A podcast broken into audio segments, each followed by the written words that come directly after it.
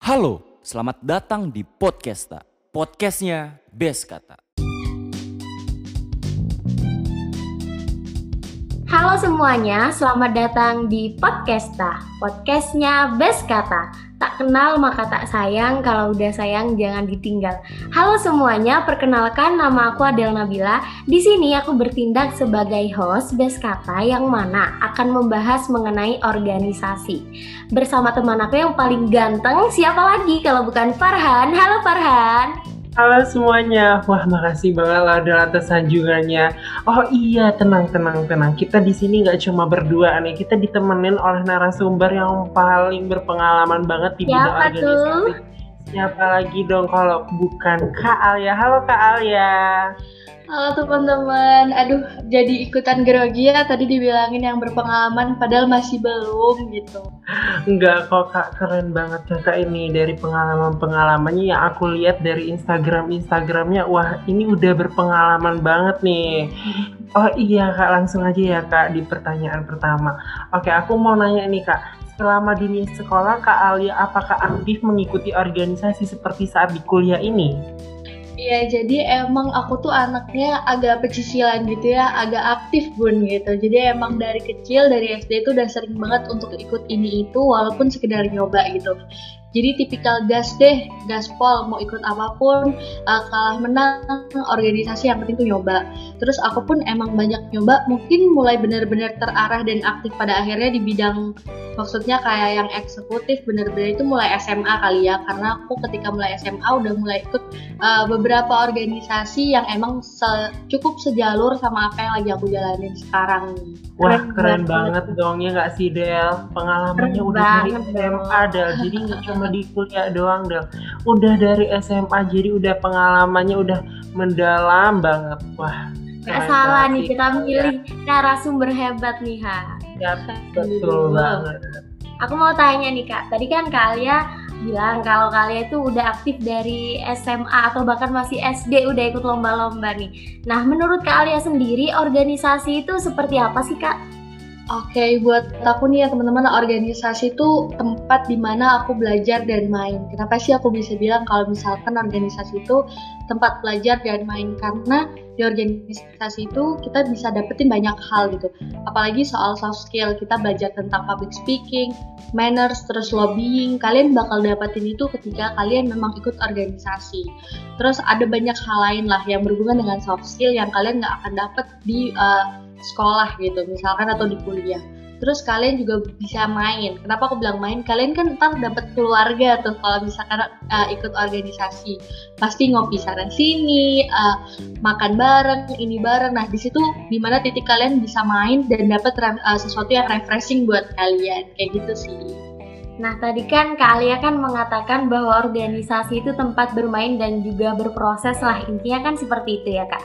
Nah Iya. menurut Kak Alia sendiri nih, seberapa penting sih kita harus mengikuti organisasi di masa perkuliahan?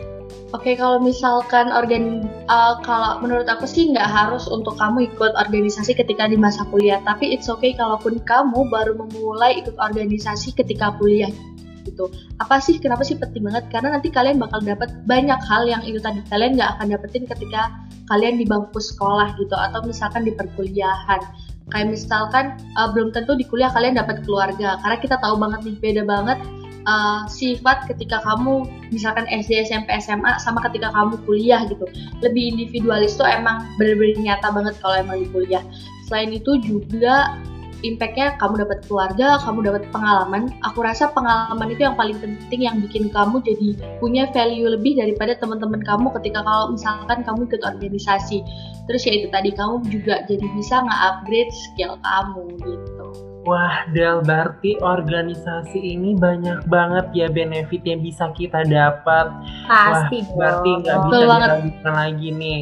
Buat teman-teman, yuk buruan ikut organisasi di dunia perkuliahan karena penting banget nih ya nggak sih kak? Apalagi pas dunia pekerjaan, public speaking, terus cara kita berinteraksi kepada orang lain itu sangat penting loh.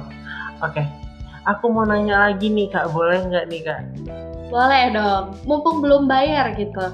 Aduh, yang banyak Hanik banyak Ya. nanyanya. Oke oke, aku mau nanya lagi nih kak, kenapa sih kak organisasi dipandang sebagai sebuah proses? Mungkin bisa nih dijelasin kak. Uh, gini, yang pertama kalau misalkan kalian ikut organisasi teman-teman, itu kita nggak cuma organisasi itu sebulan dua bulan, tapi long term ya. Biasanya satu periode bisa 10 sampai dengan 12 bulan. Dan di setiap momen itu karena kan kalau misalkan organisasi cukup kompleks ya, kamu ada program kerjanya, ada kepanitiaannya, ada tanggung jawab bahkan di kalau di Majasi di departemennya gitu belum bagaimana kalian hubungan yang lain. Nah di situ kenapa orang bilang itu prosesnya? Kalian ketemu banyak hal banyak pelajaran banyak step yang sudah kalian lalui gitu. Kayak misalkan sekarang nih kalian lagi di tahap untuk ngerjain uh, program kerja ini ngerjain podcast ini. Nah kalian belajar kan gimana caranya kalian harus ngebriefing si uh, narasumbernya, kalian harus research tentang dia gimana. Nah, itu satu titik proses yang kalian temuin ketika kalian ikut organisasi atau ikut program kerja itu. Berlaku juga, itu kan cuma satu dari sekian banyak. Nah, itu adalah alasan kenapa sih orang-orang bilang kalau misalkan ikut organisasi itu adalah sebuah proses. Kayak gitu sih. Berarti bener banget kan kak, wajib banget nih kita buat ikut organisasi. Nah sekarang aku mau tanya lagi nih kak, mumpung gratis kata kak Alia tadi kan.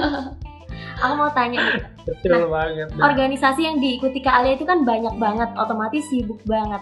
Nah, bagi tips dong Kak, gimana caranya kita membagi waktu antara kuliah, magang dengan organisasi?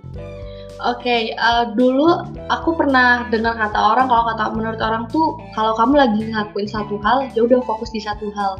Tapi ternyata itu nggak bisa berlaku buat aku. Yaitu tadi karena setiap orang punya uh, caranya masing-masing untuk mereka ngebagi waktunya. Kalau aku emang bener-bener ya mungkin put your priority first lah ya. Kamu taruh dulu prioritasmu yang mana, mana yang memang harus didahulukan. Bahkan nggak jarang banget aku magang sambil ngerjain misalkan kalau aku sekarang lagi di BEM ya organisasinya itu sekalian ngerjain hal-hal yang di BEM gitu. Emang aku harus maintenance atau aku harus monitoring sesuatu itu pun berjalan gitu. Atau bahkan ketika aku lagi main sama teman-temanku aku pun juga harus ikut rapat gitu loh rapat tapi kan emang kalau sekarang rapat online ya jadi emang kayak uh, kenapa sih aku berusaha untuk yang pertama untuk menaruh prioritas yang kedua adalah berusaha kalau emang dua-duanya bisa jalan bareng ya udah gitu karena daripada kehilangan momen. Seringkali karena kita berusaha hanya fokus di satu hal, kita jadi kehilangan momen lain gitu. Walaupun emang kadang uh, sebel ya, misalkan lagi main gitu, tapi kita harus rapat. Tapi ya namanya memang tanggung jawab dan kewajiban, jadi mau nggak mau kayak at least kita dapat euforiannya gitu loh. Kita tetap dapat bisa main sama teman ngelihat muka-muka teman-teman kita gitu ya. Terus selain itu kita juga tetap bisa gitu uh, tahu progresnya rapat kayak gimana ke depan mau ngapain apa yang bakal dilakuin kayak gitu sih. Jadi emang yang pertama pinter-pinter aja bagi waktu. Terus um, pilih yang emang menurut kalian worth it untuk kalian lakukan. Jadi kayak kalau misalkan kalian udah punya waktu yang sibuk gitu ya udahlah nggak usah terlalu dipikirin gitu hal-hal yang emang re maksudnya remeh-temeh gitu. Maksudnya remeh-temeh itu out of dari konteks yang harus kalian pikirkan gitu. Karena itu tadi kalau misalkan kalian masih udah sibuk mikirin hal-hal yang tidak harus kalian pikirkan ya selamat datang di dunia overthinking nanti gitu Ya betul banget. Nah jadi buat teman-teman yang masih bingung nih cara membagi waktu kan, nah ini udah dijelasin nih sama Kak Aya biar gak bingung lagi, ya nggak Del? Iya dong, keren banget kan narasumber kita kali ini. ya, membagi betul banget, nggak salah pilih Del kita Del. Oke nih, aku mau nanya lagi pilih. nih Kak mau nanya lagi kak uh, tentang uh, value. Nah, value uh, lebih besar ke organisasi atau lebih ke panitiaan Jadi kan kadang orang itu kan uh, menganggap bahwa kepanitiaan apa sih kepanitiaan, apa sih value-nya gitu kan. Cuma orang itu uh, beranggapan bahwa organisasi ini aja gitu loh yang ada value-nya gitu kan. Boleh dijelasin dong kak? Oke, okay, sebenarnya teman-teman kalau misalkan kalian komparasi antara value-nya kepanitiaan sama value-nya organisasi otomatis bobotnya beda banget nih. Karena biasanya emang kepanitiaan itu dia short term, biasanya cuma 2 sampai 3 bulan. Tapi kalau misalkan organisasi itu ya itu tadi 8 sampai 10 bulan. Nah, kalau misalkan value-nya banyak apa enggak, aku rasa mereka kalau misalnya secara value oke, okay, memang mungkin lebih banyak organisasi karena dia panjang proses yang dia lalui itu emang panjang. Tapi bukan berarti di kepanitiaan kalian nggak dapat value karena kepanitiaan yang kalian jalanin belum tentu sama dengan apa yang kalian akan dapat di organisasi. Misalkan kalau uh, kalau kali kalau di Himajaksi deh aku anggapin kalau misalkan ikut Himajaksi sama ikut Statex. Biasanya kan kalau Statex kan emang dia kepanitiaan yang open gitu kan. Open recruitment buat temen-temen yang lain. Nah, belum tentu apa yang kalian dapat di Himajak uh, di Statex bakal kalian dapetin gitu di Himajaksi. Entah itu dalam bentuk temennya, uh, ilmunya, pengalamannya, dan begitu pun sebaliknya gitu. Jadi emang semua punya porsi dan value-nya masing-masing dan sama-sama bermanfaat asal kalian itu mau benar-benar put your attention terus kalian mau benar-benar naruh uh, diri kalian di situ. Karena kalau misalkan kalian cuma naruh diri kalian setengah-setengah, you better stop. Karena kalian daripada nggak dapat apa-apa, kalian ngabisin waktu dan uang buat kalian ngopi-ngopi walaupun kalian tapi tetap nanti dapat temen lah ya gitu. Nah, jadi itu sebenarnya sama-sama bermanfaat ya, Kak. Cuman lingkupnya berbeda waktunya. Betul. Aku mau tanya nih kak, uh, tadi kan kalian sibuk BEM, terus pernah ikut HIMA, jadi staff DPM gitu. Nah menurut Kak Alia, tiga organisasi, eh mohon maaf ya kak, tiga organisasi ini tuh sama apa berbeda kak? Oke, okay. uh, eh, kalau misalkan sama atau beda, aku rasa lingkupnya beda. Uh, bahkan cara kerjanya pun berbeda setiap organisasi yang aku jalanin ini. Kayak misalkan di DPMUB dia basicnya ini tuh organisasi yang di legislatif, di mana kamu akan berurusan dengan lebih banyak uh, tentang peraturan, terus ya kayak gitulah ya. Terus kalau misalkan di BEM lingkupnya adalah ah, fakultas, jangkauannya lebih besar gitu. Sementara kalau misalkan di himpunan, dia concernnya lebih di jurusan, lebih ngedevelop tentang jurusan. Jadi emang aku rasa tingkatannya berbeda, uh, terus juga ranahnya beda, dapat pengalaman yang beda, tapi semuanya punya value yang uh, sama-sama bermanfaatnya sih menurut aku. Nah itu kan lingkupnya berbeda ya kak, tingkatannya berbeda. Nah karena kak Alia kan sudah menjalani tiga-tiganya nih, udah pernah. Nah menurut kak Alia sendiri manfaatnya itu berbeda atau sama aja sih sebenarnya, cuman tingkatannya berbeda gitu kak? Oke, aku rasa um, mungkin manfaat garis besarnya sama kali ya. Maksudnya manfaat kamu jadi punya misalkan kayak tadi deh public speaking, manners sama lobbying. Itu kan uh, basic ya basic ketika kamu ikut organisasi. Tapi manfaat-manfaat lainnya emang beda-beda gitu.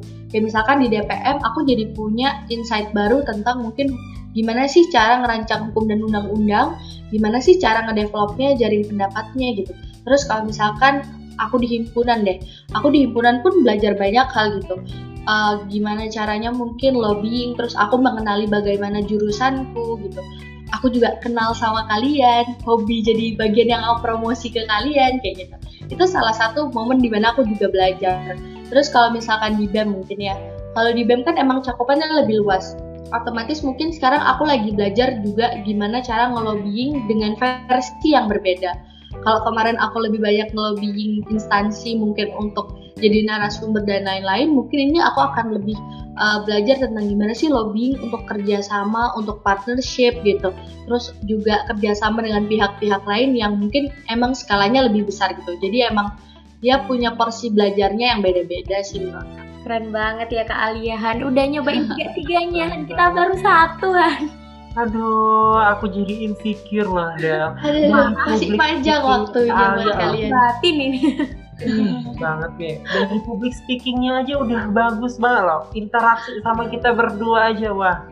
Udah kuancungin jempol banget ya aku mau tanya lagi nih ke Kak Alia. Mumpung gratisan kita tanya aja. Iya benar benar benar kalau dalam sebuah organisasi yang Kak Alia ikuti nih Kak. Nah, biasanya Kak Alia itu menemui suatu masalah terbesar itu di lingkup mana sih Kak? Di lingkup kepanitiaannya atau dari segi kekeluargaannya atau bagaimana sih Kak menurut Kak Alia yang masalahnya yang besar banget gitu? Aku rasa setiap organisasi pasti punya basic uh, masalah tentang bagaimana cara ngebonding kekeluargaan ya. Karena memang ibaratnya kita tuh nyatuin sekian banyak kepala dengan satu visi dan misi cuma emang mungkin caranya beda-beda treatmentnya. Terus itu sih mungkin yang paling sulit yang paling challenging adalah terus berusaha ngerti berusaha pengertian dan sabar. Itu yang menurut aku belajar banget lah kayak gitu. Karena kita nggak bisa maksain tentang apa yang orang lain mau sama kayak yang kita mau gitu. Terus kita juga nggak bisa selalu dipaksain tentang nurutin apa yang orang mau gitu. Nah itu sih menurut aku yang emang paling sulit di organisasi itu. Kalau misalkan hal-hal lain kayak ya faktor X faktor X aku rasa dengan kalau misalkan si keluarga ini udah dibuild komunikasinya baik pasti nanti ke depannya pun itu juga akan berjalan lebih baik Nah itu tadi kan menurut Kak Alia kan dari segi kekeluargaannya karena memang mempersatukan pemikiran yang sama dan tujuan yang sama gitu kan Kak. Nah Betul. menurut Kak Alia sendiri gimana sih Kak caranya mengatasi masalah tersebut agar kita satu tujuan? Kali aja nih ada Kahim, Kadep, Kabit-Kabit dari himpunan lain yang nonton podcast. Oke, kalau aku mungkin emang karena memang kalaupun di BEM nih, kalau di BEM aku pun juga di internal. Waktu di PSDM juga aku memang oh di himpunan aku PSDM jadi emang tipikal orang yang harus komunikasi gitu. Mungkin caranya adalah dengan pendekatan ya, pendekatan entah itu secara skala besar ataupun skala kecil. Let's say kalau misalkan skala besar kita bisa hangout bareng gitu. Kenapa sih? Walaupun hangout bareng terus yang datang misalkan itu-itu aja uh, when it comes uh, by the time dia itu pasti akan nanti bertambah bertambah bertambah dan itu akan jadi kayak oh jadi lebih deket ya jadi tahu satu sama lain jadi kenal. Kayak nih aku lagi kumpul sama kalian itu salah satu tanpa sadar kita jadi punya bonding gitu. Kayak oh aku jadi kenal nih ke depannya kalau emang ada apa-apa itu akan lebih memudahkan kalian untuk komunikasi. Itu jadi salah satu contoh. Mungkin kalau misalkan pendekatan dengan skala kecil otomatis benar-benar by person ya. Karena kayak misalkan aku di BEM sekarang aku punya anak itu 104 jadi emang walaupun walaupun banyak gitu ya dan akan makan waktu aku pun berusaha gitu untuk kenalin oh ke si ini tuh gimana ya treatmentnya? Ke si ini tuh gimana ya treatmentnya ke menteri-menteriku? Jadi kalau emang ada apa-apa komunikasinya pun enak gitu mau minta tolong gitu. Biar jadi nanti kalau misalkan kalian minta tolong atau ibaratnya nyuruh deh mereka tuh nggak akan ngerasa terbebani. Karena emang mereka udah ngerasa kalau ini kewajiban mereka jadi terbentuk gitu rasa kerjasamanya gitu jadi lakukanlah pendekatan PDKT gitu Asik. Gak hanya ke pacar nih, ke temen Iya. organisasi PDKT kita. betul banget Betul banget. Aduh, kocak banget nih percakapan kita udah sejauh ini. Aku mau nanya nih kak, terakhir terakhir kak, tenang kak, tenang. Aku mau nanya nih kak, selama mengikuti Himajaksi kan tadi kakak bilang kakak mengikuti di departemen TSDM nih. Nah benefit Iya. apa sih kak yang kakak dapetin dari uh, kakak mengikuti PSDM tersebut? Boleh dong kak dikasih tahu? Oke, uh, jadi waktu dulu di PSDM kan juga pro- program kerjanya PSDM memang juga banyak kan. Aku rasa semua departemen program kerjanya banyak sih gila-gilaan kalau emang Himajaksi gitu ya. Um, yang pertama aku dapetin adalah yaitu tadi yang pertama emang lobbyingnya, yang kedua aku dapet keluarganya, yang ketiga aku dapet mungkin gimana caranya koordinasi sama teman-teman yang lain. Karena itu tadi kalau di organisasi kamu nggak kerja sendirian. Terus kan kalau emang Himajaksi kan sistemnya ketika ada kepanitiaan nggak nggak harus departemen itu aja yang akan bekerja bisa jadi kamu akan bekerja sama dengan departemen yang lain yaitu sih jadi cara komunikasi selain itu juga eh, aku rasa kalau misalkan di PSDM aku nggak terlalu ngerasa impactnya besar gitu ya. Karena emang banyak banget eh, lebih banyak kerjasama dengan yang lainnya gitu ketimbang eh, hanya bekerja sama dengan PSDM cuma kalau emang PSDM ya itu tadi aku jadi belajar gimana sih cara ngembangin sumber daya manusia sum- sumber daya mahasiswa. Karena kan ada proker-proker kayak eh, teks aktif kayak gitu kan. Jadi emang aku harus entah ngikutin terus ngasih info kalau lomba-lomba nemenin kayak gitulah. Aku at least dapet karena waktu itu aku juga dapetnya e-sport gitu ya jadi aku kayak belajar gitu kayak ah gimana nih cara mainnya gimana eh gimana sistemnya kayak gitu. Tapi lebih banyak dapetnya tuh di hal lain gitu.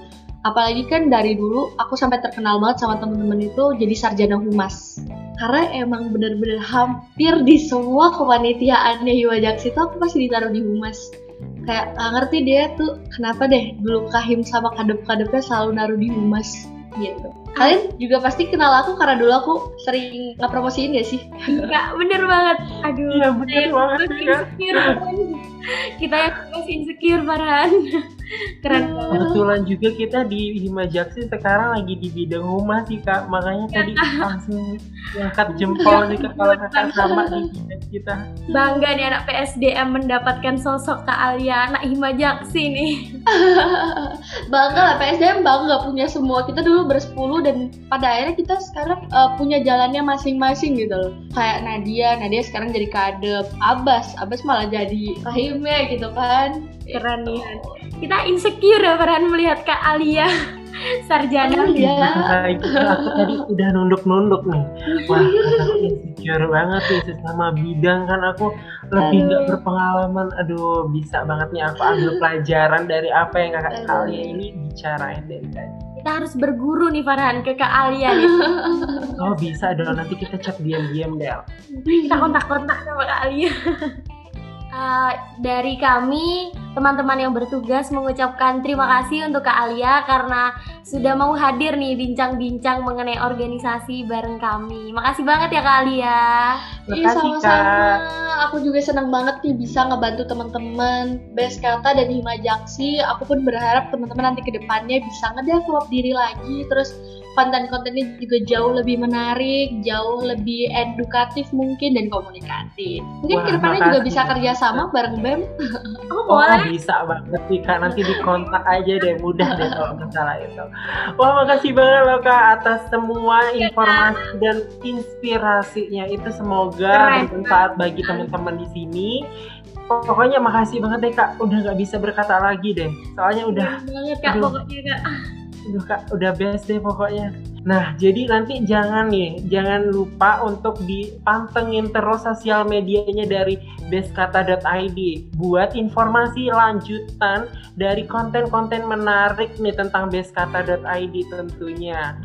Jangan lupa pantengin terus media sosial bestkata.id. Terima kasih ya Kak Alia. Terima kasih Kak Alia. sampai jumpa di episode selanjutnya. Bye thank you